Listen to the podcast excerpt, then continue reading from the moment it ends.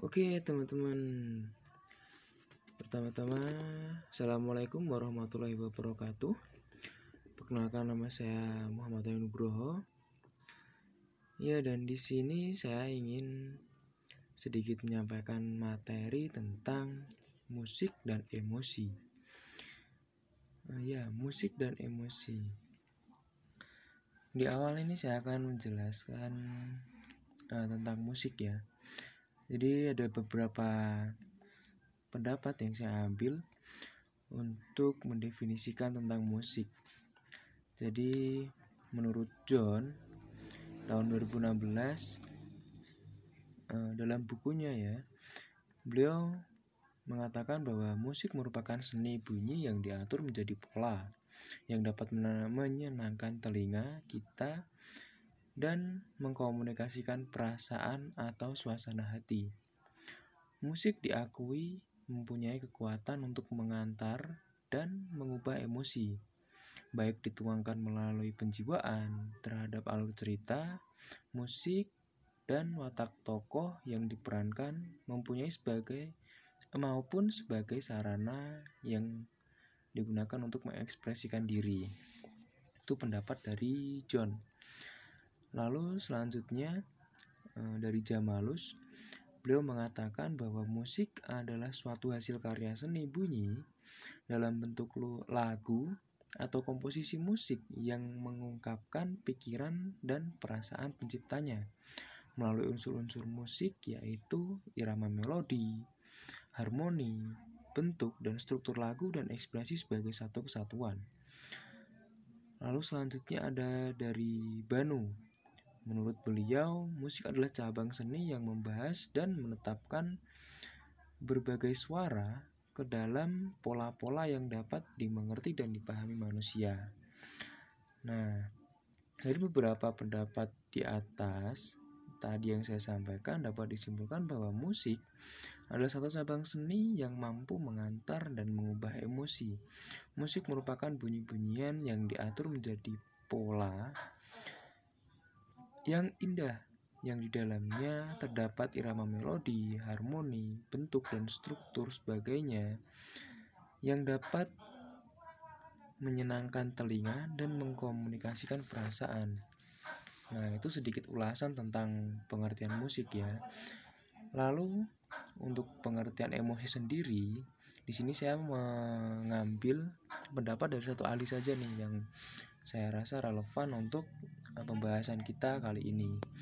Jadi emosi adalah suatu reaksi tubuh menghadapi situasi tertentu. Nah, ini dalam situasi tertentu ya. Lalu, sifat dan intensitas emosi biasanya terkait erat dengan aktivitas kognitif atau berpikir cara berpikir manusia sebagai hasil persepsi terhadap situasi. Nah, jadi mudahnya adalah emosi adalah hasil kognitif terhadap situasi spesifik. Nah, ini adalah eh, pendapat dari Press, yaitu seorang EQ organize organizational konsultan dan juga seorang pengajar senior di Potchefstroom University di Afrika Selatan. Nah, dalam ungkapannya itu, Press mengungkapkan bahwa emosi adalah suatu reaksi tubuh terhadap situasi tertentu. Jadi ketika uh, seseorang berada dalam situasi yang uh, mengharukan ketika dalam situasi perpisahan. Nah, emosinya kan akan eh, seorang manusia itu akan merasakan emosi yang sedih. Sedih, terharu dan lain sebagainya. Ketika orang eh, seseorang berada dalam situasi wedding party atau sebuah perayaan wisuda, di, di situ kan uh, situasinya menggambarkan tentang kesenangan ya. Jadi emosinya yang ada di situ adalah suasana senang. Nah, itu yang digambarkan oleh uh, press tadi. Nah, di sini akan saya bahas adalah tentang uh, emosi dan musik. Jadi emosi dan musik itu adalah dua hal yang saling berhubungan. Ya, teman-teman ya. Bisa dipahami kan ya? Jadi emosi dan musik itu adalah dua hal yang saling berhubungan. Jadi musik bisa mempengaruhi emosi seorang pendengar yang mendengarkan musik juga eh, emosi juga mempengaruhi musik terkait isi dari musik itu sendiri atau lagu itu sendiri gitu ya. Jadi eh, dua hal ini bisa saling berhubungan. Nah manfaatnya apa sih kak buat eh, kita mendengarkan musik? Gitu kan. Jadi ini lebih ke musik dulu. Jadi musik untuk manfaat yang pertama, musik bisa menutupi bunyi dan perasaan yang tidak menyenangkan. Lalu yang kedua, musik dapat memperlambat dan menyeimbangkan gelombang otak. Yang ketiga, musik mempengaruhi pernapasan. Lalu yang keempat, musik dapat mempengaruhi denyut jantung, denyut nadi, dan tekanan darah. Lalu musik juga mempengaruhi uh, dapat mengurangi maaf dapat mengurangi ketegangan otot dan memperbaiki gerak serta koordinasi tubuh. Ya, dan itu dan lain sebagainya masih banyak lagi manfaatnya. Dan e, di zaman sekarang musik itu juga digunakan sebagai terapi ya, teman-teman ya. Jadi seperti yang kita tahu bahwa manfaat musik apalagi musik klasik ya jika diperdengarkan kepada ibu hamil maka musik itu akan um, mempengaruhi janinnya. Jadi janin itu akan berkembang dengan lebih baik dan ketika lahir si anak itu akan memiliki kecerdasan di atas rata-rata. Dan itu sudah pernah dilakukan penelitiannya. Nah itu sedikit tentang nah, manfaat musik tadi. Nah, eh, bagaimana sih kak eh, perjalanan musik bisa mempengaruhi eh, mood, mood atau emosi kita? Jadi pertama musik.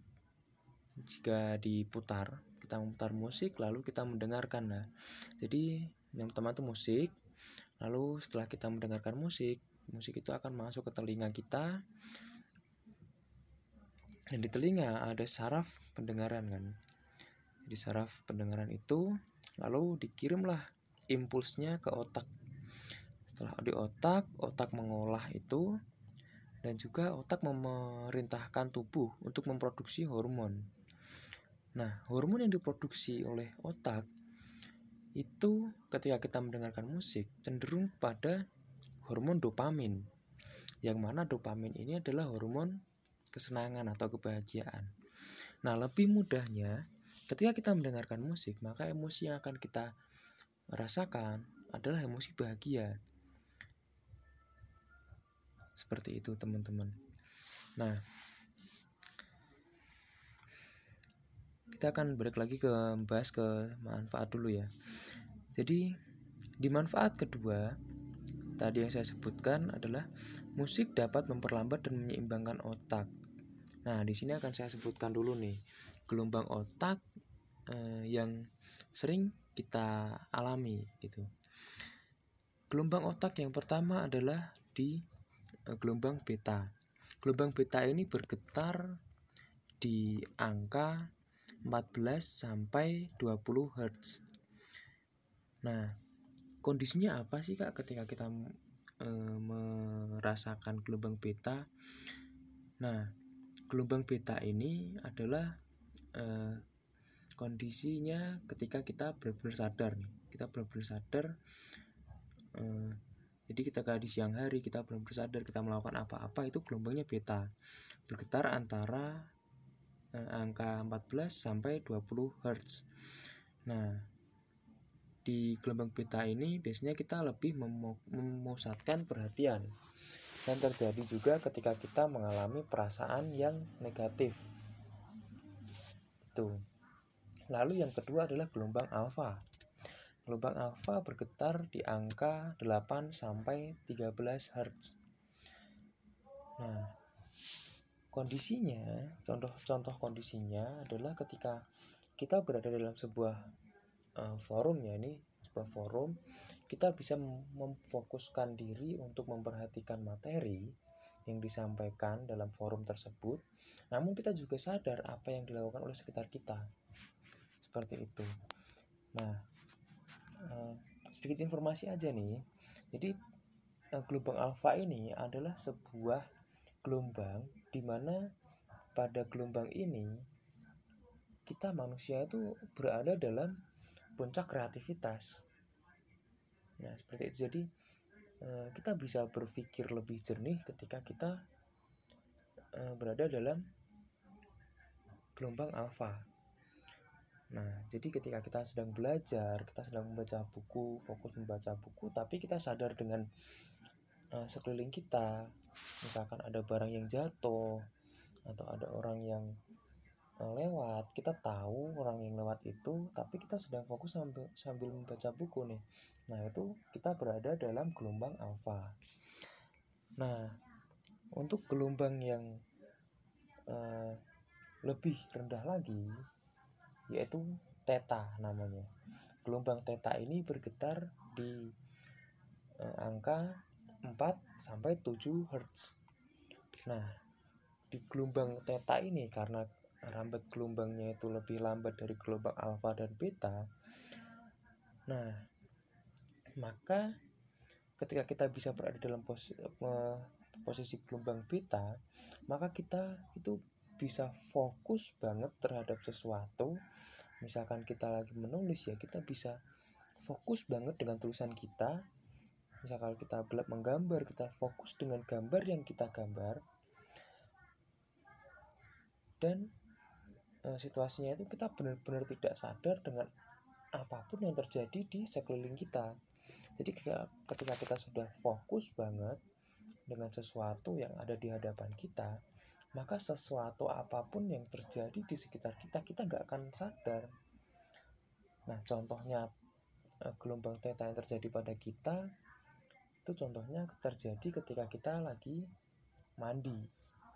Mandi di kamar mandi sendirian, ya sendirian ya kan enggak kan nggak mungkin kalau kita mandi berdua sama temen kan misalkan kan nggak mungkin nah itu mandi sendiri di bawah shower yang meneteskan air ke tubuh kita terus kita uh, bisa healing banget di situ kita bisa mendengarkan gemericik air.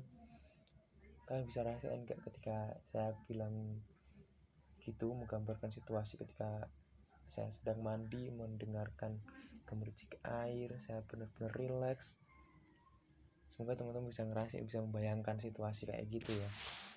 Gitu sih nah eh, juga pada saat kita relaksasi ketika relaksasi itu eh, gelombang otak kita berada dalam gelombang theta seperti itu nah Lalu di gelombang yang lebih rendah lagi dari theta ada teman-teman. Dia itu namanya gelombang delta. Delta ini gelombang, rambat gelombangnya sangat rendah banget. Jadi di antara eh di angka maksud saya di angka 0,5 hingga 3 Hz. Ya, yang itu terjadi ketika kita tidur terus meditasi yang dalam atau keadaan ketika kita tidak sadar itu mungkin pingsan ya kan di sini ya nah jadi kesimpulannya adalah semakin lambat gelombang otak maka yang kita rasakan akan semakin santai, semakin puas dan damailah perasaan kita. Gitu. Jadi eh, ketika kita stres dengan rutinitas kita sehari-hari, dengan kesibukan kita yang membuat uh, otak kita berpikir lebih cepat sehingga gelombang otak kita berjalan lebih cepat ya mungkin bahkan lebih tinggi dari beta itu sendiri nah itu kita bisa meredakan itu atau memperlambat gelombang otak kita dengan cara kita mendengarkan musik. Nah, eh, jenis musik apa aja sih kak yang bisa kita gunakan untuk memperlambat eh, gelombang otak kita? Itu ya. Jadi eh, memang di dunia ini ada banyak sekali jenis musik.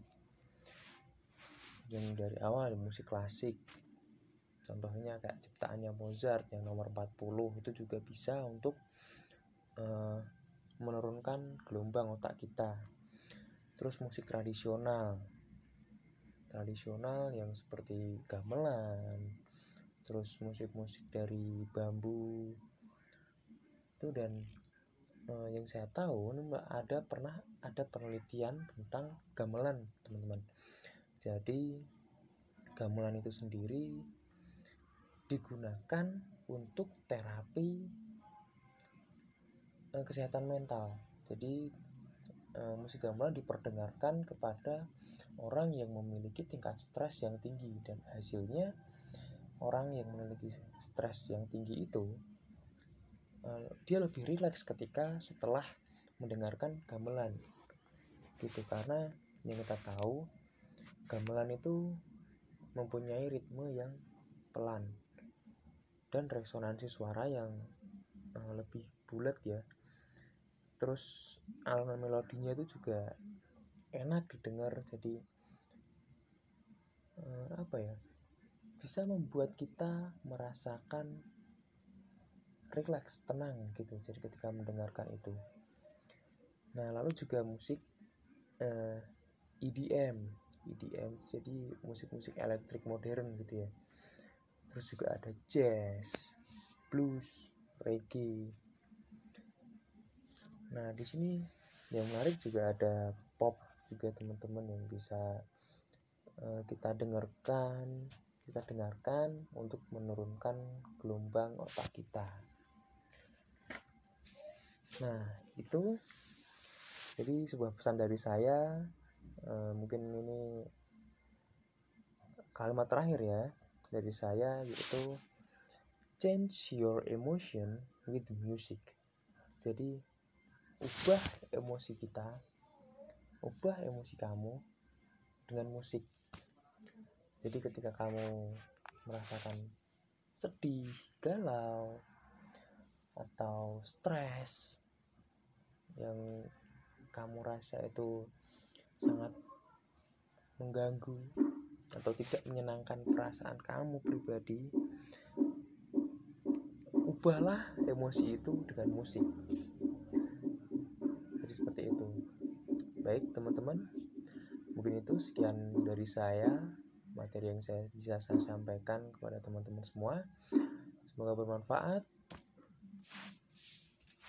Sekian dari saya akhir kata. Wassalamualaikum warahmatullahi wabarakatuh